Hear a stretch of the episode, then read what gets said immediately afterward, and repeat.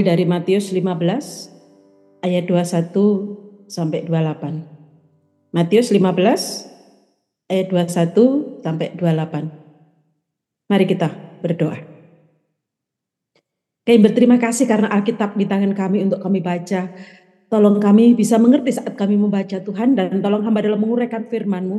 Kendalikan lidah hamba roh kudus. Terima kasih kami memiliki Allah yang luar biasa Darahmu Yesus menyucikan semua kami. Darahmu membungkusi kami dan kekuatan darah itu kami pakai untuk mengikat kekuatan kegelapan yang akan mencoba mengganggu pemberitaan firman Tuhan. Terpujilah engkau. Di dalam nama yang ajaib Yesus kami berdoa. Amin. Ayat 21. Lalu Yesus pergi dari situ dan menyingkir ke daerah Tirus dan Sidon. Pergi dari situ dari mana? Kalau dilihat dari pasal 14 ayat 34, dia berada di Genesaret. Dalam pasal 15 ayat 1 kemudian saat dia di Genesaret dia pelayanan banyak orang yang datang kepadanya. Kemudian datanglah beberapa orang Farisi dan ahli Taurat dari Yerusalem kepada Yesus dan berkata, Mengapa murid-muridmu melanggar adat istiadat nenek moyang kita? Mereka tidak membasuh tangan sebelum makan. Tetapi Yesus, jawab Yesus kepada mereka, Mengapa kamu pun melanggar perintah Allah demi adat istiadat nenek moyangmu? Lalu Tuhan Yesus mengajar, menegur keras kepada beberapa orang Farisi dan ahli Taurat itu. Dan di ayat 7, maka kata Tuhan, Hai orang-orang munafik, benarlah nubuat Yesaya tentang kamu. Bangsa ini memuliakan aku dengan bibirnya, padahal hatinya jauh daripadaku. Percuma mereka beribadah kepadaku, sedangkan ajaran yang mereka ajarkan ialah perintah manusia. Lalu Yesus memanggil orang banyak ya. Dan kemudian mengajar mereka. Kemudian di nas kita yang kita baca tadi, dia sudah berada di daerah Tirus dan Sidon.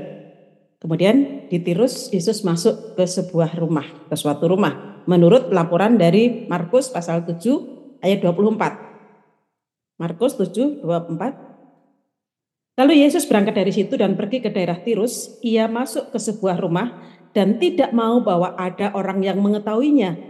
Tetapi kedatangannya tidak dapat dirahasiakan. Padahal ini sudah di luar Israel ya.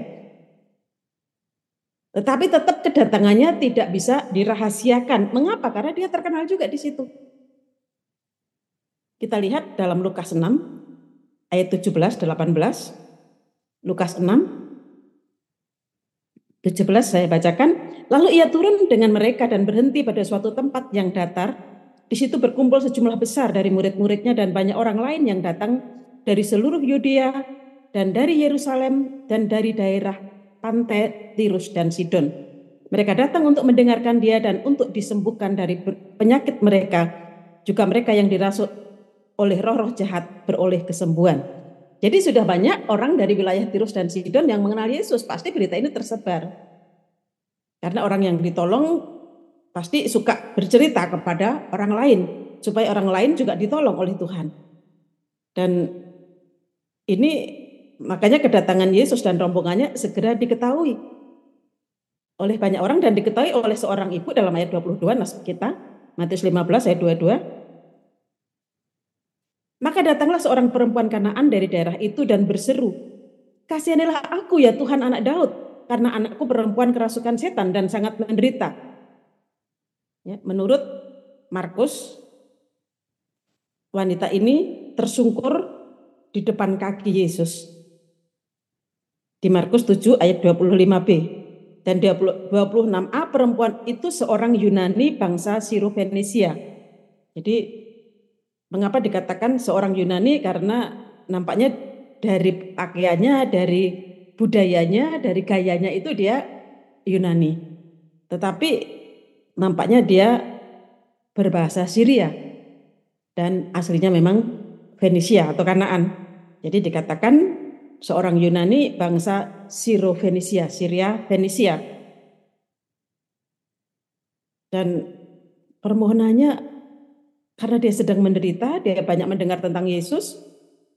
Dan ucapannya luar biasa, kasihanilah aku ya Tuhan anak Daud.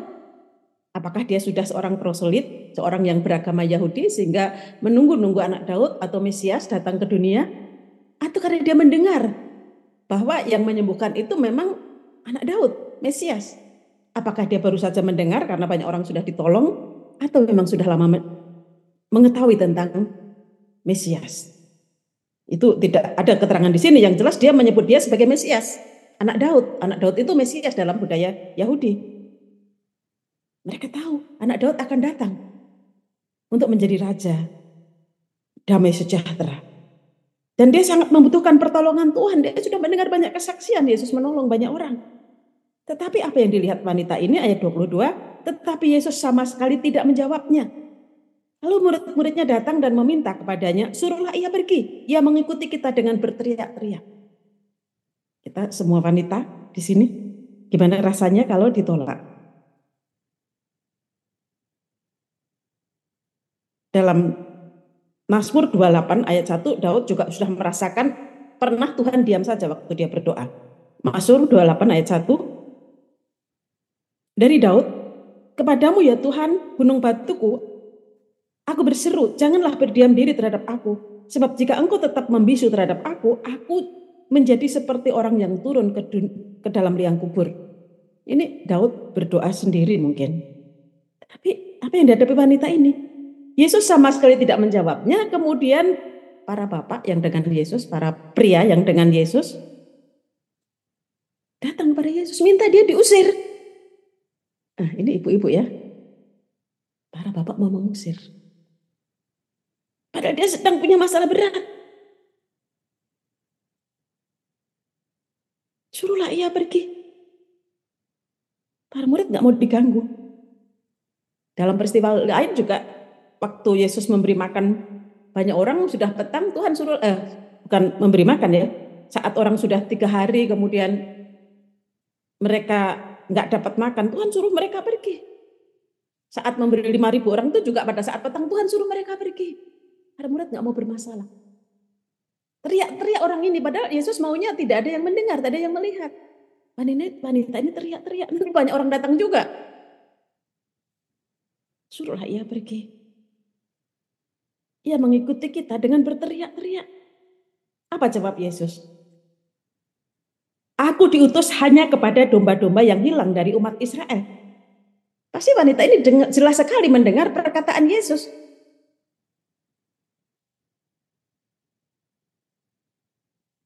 Dan dia bukan orang Israel. Tapi dia sudah tahu banyak orang Tirus dan Sidon yang bukan orang Israel juga ditolong oleh Tuhan. Karena itu dia mendekat ayat 25. Bukan sekedar mendekat tapi menyembah. Tadi tersungkur sekarang lebih dekat lagi menyembah.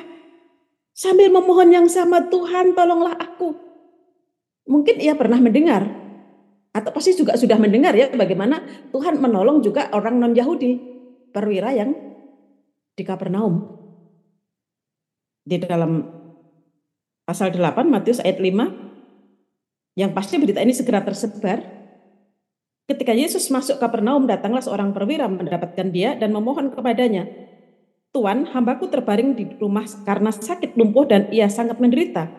Yesus berkata kepadanya, aku akan datang menyembuhkannya.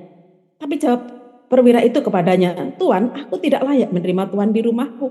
Katakan saja sepatah kata, maka hambamu itu akan sembuh. Hambaku itu akan sembuh. Sebab aku sendiri seorang bawahan dan di bawahku ada pula para prajurit.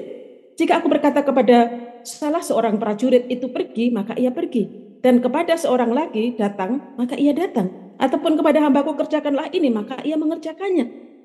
Ya setelah Yesus mendengar hal itu berkata, heranlah ia dan berkata kepada mereka yang mengikutinya. Yang mengikuti banyak sekali. Tidak disebutkan siapa saja. Kapernaum nggak terlalu jauh dengan Tirus dan Sidon. Aku berkata kepadamu, banyak orang akan datang dari timur dan barat dan duduk makan bersama-sama dengan Abraham, Ishak dan Yakub di dalam kerajaan surga. Nah, perkataan ini pasti tersebar ya ke berbagai tempat. Yesus kan tidak datang hanya untuk orang Yahudi, untuk orang dari berbagai bangsa karena dari timur dan barat. Memang nggak disebutkan dari utara, ini kan utaranya Yahudi. Tapi karena banyak orang orang tetangganya mungkin atau kenalannya yang pernah ditolong. Jadi pasti Yesus mau menolong. Dan kemudian saat wanita ini menyembah, apa kata Yesus? Ayat 26, tidak patut mengambil roti yang disediakan bagi anak-anak dan melemparkannya kepada anjing. Nah, orang Yahudi itu biasa menyebut anjing kepada yang non-Yahudi. Masalahnya, anjing yang dipakai Tuhan ini kata anjing dari kata tois kunaris. Anjing-anjing kecil mungil peliharaan. Anjing-anjing yang lucu, anjing piaraan. Wah seneng banget pasti wanita ini disebut anjing-anjing itu. Ya memang bukan anak, bukan orang layak menerima pertolongan. Tapi apa kata wanita ini? Benar Tuhan, namun anjing itu makan remah-remah yang jatuh dari meja tuannya. Gak diusir. Dia menunggu, memang gak layak menerima pertolongan Tuhan, tapi dia mau nunggu. Jadi dia memperhatikan setiap kalimat perkataan Tuhan. Ngeri ya kalau kita nggak peduli dengan setiap ayat dalam Alkitab. Maka sering nggak mendapat apa-apa. Wanita ini peduli banget dengan setiap kata. Dia membutuhkan sesuatu tapi dia juga mendengarkan kata-kata Tuhan. Dengan teliti dia mendengarkan. Sehingga dia bisa merespon, benar Tuhan. Namun anjing itu makan remah-remah yang jatuh dari meja tuannya. Ini bukan anjing liar. Jadi kalau kita lihat cerita di Lukas saat Tuhan berbicara tentang orang kaya dan Lazarus, kita nggak bicara masalah orang kaya dan Lazarus, tapi tentang anjing. 16, 20, 21 Lukas.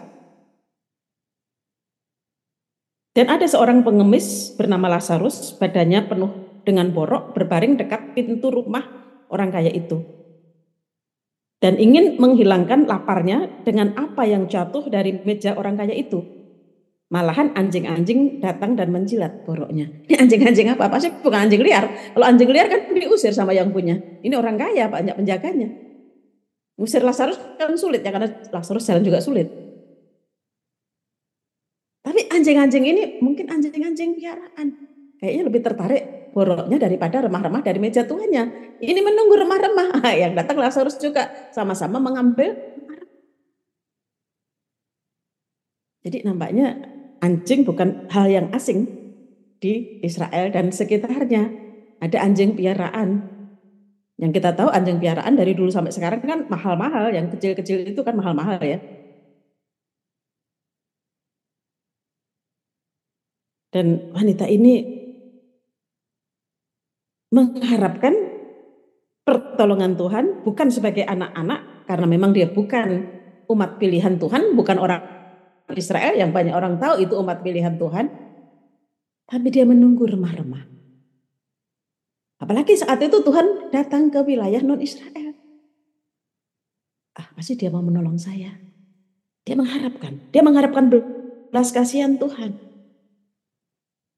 Maka Yesus menjawab dan berkata kepadanya, Hei ibu, besar imanmu, maka jadilah kepadamu seperti yang kau kehendaki. Mengapa? Karena kehendak ibu ini sudah dikendalikan firman Tuhan.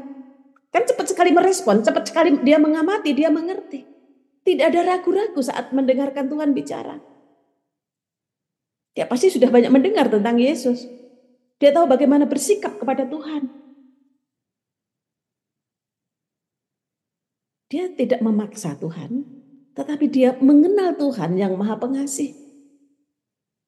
Dia tahu Yesus sudah banyak menyembuhkan orang, menolong orang yang kerasukan. Dan anaknya juga sedang kerasukan. Pasti Tuhan bisa menolong. Masalahnya mau enggak? Dari perkataan Yesus nampaknya masih ada harapan. Asal dia mau berada dalam posisinya. Posisi hanya butuh belas kasihan Tuhan. Posisi bahwa ia tidak layak menerima pertolongan Tuhan. Menunggu remah-remah saja. Jadi artinya sabar. Memang dia ingin pastilah anaknya segera sembuh. Tapi namanya menunggu. Menunggu sisa-sisa yang jatuh. Dan luar biasa jawaban Tuhan, jadilah kepadamu seperti yang kau kehendaki. Dan seketika itu juga, anaknya di mana nggak disebutkan? Kalau anaknya di rumah kan dia pulang dulu baru tahu anaknya sembuh atau orang datang bicara kepadanya bahwa anaknya sembuh. Di sini singkat cerita ya, nggak disebut singkat cerita, padahal masih banyak lagi ceritanya. Sehingga Tidak ada kata singkat cerita tetapi nampaknya disingkat ceritanya anaknya sembuh. Dalam Mazmur 145 ayat 19 ia melakukan kehendak orang-orang yang takut akan dia, mendengarkan teriak mereka minta tolong dan menyelamatkan mereka.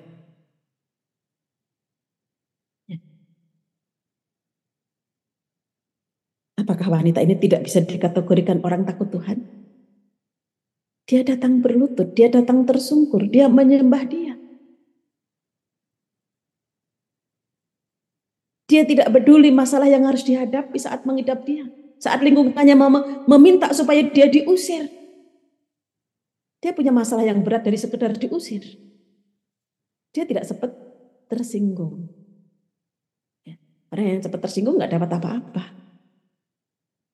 Dia nggak tersinggung. Dia sadar dirinya siapa. Tapi dia butuh pertolongan Tuhan. Dia tidak layak disejajarkan dengan orang-orang pilihan Tuhan. Tapi dia tetap mendekat karena dia sadar dia juga ciptaan Tuhan. Dan dia tahu Tuhan maha kasih. Tuhan tidak pilih kasih. Dia datang dalam keberadaan tahu diri. Dalam Roma 10 ayat 11, karena kitab suci berkata, Roma 10 ayat 11, karena kitab suci berkata, barang siapa yang percaya kepada dia, tidak akan dipermalukan. Yang wanita ini percaya kepada Yesus dengan percaya yang benar. Apa yang diketahui tentang Yesus dia percayai. Dia datang dan dia tidak dipermalukan. Meskipun orang berusaha mempermalukan. Siapa? Murid-murid Yesus kan? Suruh dia pergi, usir dia. Kalau dia pulang nggak dapat apa-apa, malu nggak? sudah nangis-nangis teriak-teriak nggak dapat apa-apa diusir para pria. Loh, yang ngusir laki-laki loh, yang ngusir wanita masih mending yang ngusir laki-laki. Tapi luar biasa, Tuhan tidak mempermalukan. Dari sejak zaman perjanjian lama, perjanjian baru, orang percaya Tuhan tidak mungkin dipermalukan. Dan orang percaya itu orang yang menghargai setiap kata dari mulut Tuhan. Orang percaya adalah orang yang menghargai firman Tuhan, yang dengan teliti mengamati firman Tuhan dan hidup di dalamnya. Ayat 12 Roma 10, sebab tidak ada perbedaan antara orang Yahudi dan orang Yunani, karena Allah yang satu ini adalah Tuhan dari semua orang, kaya bagi semua orang yang berseru kepadanya. Bagaimana Anda dan saya? Kita bukan orang Yahudi, tapi kita boleh percaya kepada Yesus. Bisakah kita menyembuhkan diri? Aneh. Kalau sudah doanya banyak dijawab, kalau bisa mengajar ke sana sini, kita merasa diri hebat. Kita hidup hanya karena belas kasihan Tuhan. Kita diselamatkan hanya karena belas kasihan Tuhan. Kita bisa mengajar hanya karena belas kasihan Tuhan. Dan kita bisa sekarang seperti ini karena Allah yang satu itu adalah Tuhan dari semua orang. Karena itu juga dalam PI membimbing orang kita tidak boleh membeda-bedakan karena dia adalah Allah yang satu dan Tuhan dari semua orang. Maka yang harus kita lakukan senantiasa hidup dalam kerendahan hati dan terus menggunakan Alkitab sebagai kompas hidup kita kita berjalan ke depan, nggak tahu apa pun yang terjadi, yang akan terjadi.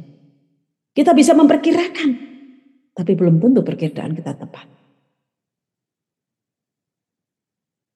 Katanya antara maut dan hidup itu berdampingan. Karena itu, dengan kita punya kitab suci, kita bisa membaca, kita bisa merenungkan, kita bisa menggunakan sebagai petunjuk hidup kita setiap hari adalah kehidupan yang luar biasa.